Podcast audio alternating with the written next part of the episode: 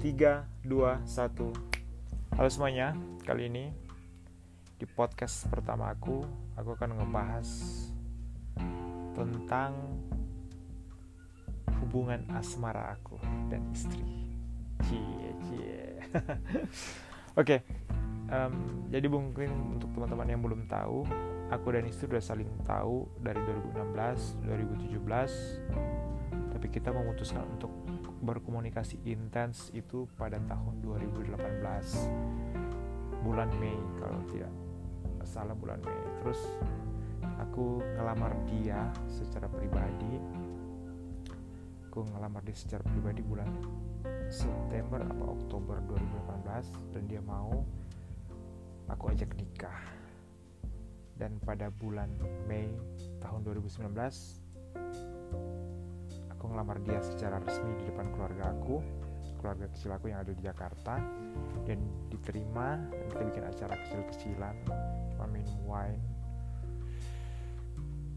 untuk menyambut suasana penting tersebut. Dan selanjutnya kita melanjutkan acara tunangan di Manado di rumah keluarganya dia dan bikin acara lamaran di rumah keluarganya dia. Aku undang keluarga aku keluarga dekat papa om tante sama keluarganya dia juga. Semua ada dan kita bikin acara kecil-kecilan teman-teman dekat aku dan teman-teman dekat dia. Beberapa teman dekat dia datang. Hadir di acara tunangan kita pada waktu itu. Dan pada tahun 2019 akhir bulan Desember pada Desember kita memutuskan untuk menikah. Dan pernikahan kita itu dikonsep sedemikian rupa sehingga hmm, tidak membosankan. Dan perlu teman-teman tahu kalau kita hadir di beberapa acara pernikahan kita sering kelaparan karena menunggu terlalu banyak sambutan. Dan akhirnya pas mau makan kita berebutan di meja makan. Nah makanya konsep pernikahan kita waktu itu aku bilang ke waktu itu masih pacar lah ya tunangan aku aku bilang kalau aku mau nikah atau di acara pernikahan kita aku tidak mau membuat orang menunggu lama mendengar sambutan dalam keadaan perut kosong. Jadi pada waktu itu kita bikin sambutan semuanya cuma satu sambutan tunggal. Dan setelah itu selesai acara banget. Acara pernikahan kita acara ters aku rasa acara paling singkat mungkin selama aku menghadiri acara-acara pernikahan teman-teman yang lain atau orang-orang yang lain. Jadi sekitaran 30 menit bahkan makanan tambahan yang harusnya datang kita udah selesai makan makanan tambahan baru baru tiba di acara pernikahan. Tapi syukur walaupun makanan tambahan datang terlambat tapi kita tidak kehabisan makanan. Karena karena karena undangannya cuma terbatas. Karena kita batasin cuma undang tadinya kita cuma mengundang 50 orang. Tapi akhirnya jadi 75 orang. Dan kita undangan kita cuma 75 orang waktu itu pernikahan. Tapi banyak teman-teman yang tidak datang tidak hadir karena mungkin ada acara halangan dan lain hal tapi meski tidak hadir amplop tetap datang. Jadi itu yang kesalut buat teman-teman aku. Nah aku mau cerita sedikit untuk kita bisa sampai ke tahap menikah dalam waktu ya mungkin menurut aku itu singkat karena kita kenal um, baru saling komunikasi 2018 19 satu tahun. Eh, bulan Mei berarti satu tahun lebih ya. Satu tahun lebih kita baru memutuskan untuk menikah. Menurut aku itu waktu yang sangat singkat. Kita menikah. Tapi banyak pelajaran uh, yang aku dapati dalam selang waktu tersebut. Dan akhirnya itu merubah karakter aku yang tadinya keras maunya menang sendiri.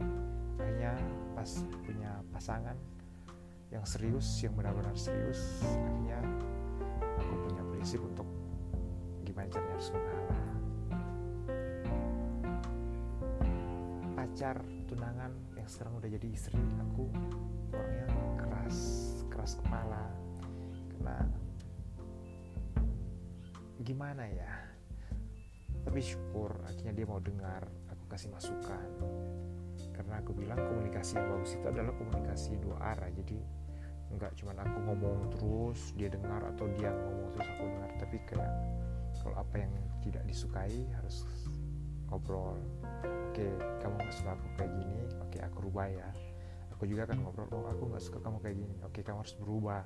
Jangan udah diobrolin tapi tetap dilakuin diulang ulangnya itu yang membuat hubungan suami istri atau hubungan dalam apa pun jadi rentan untuk cerai atau bisa atau putus untuk pacaran.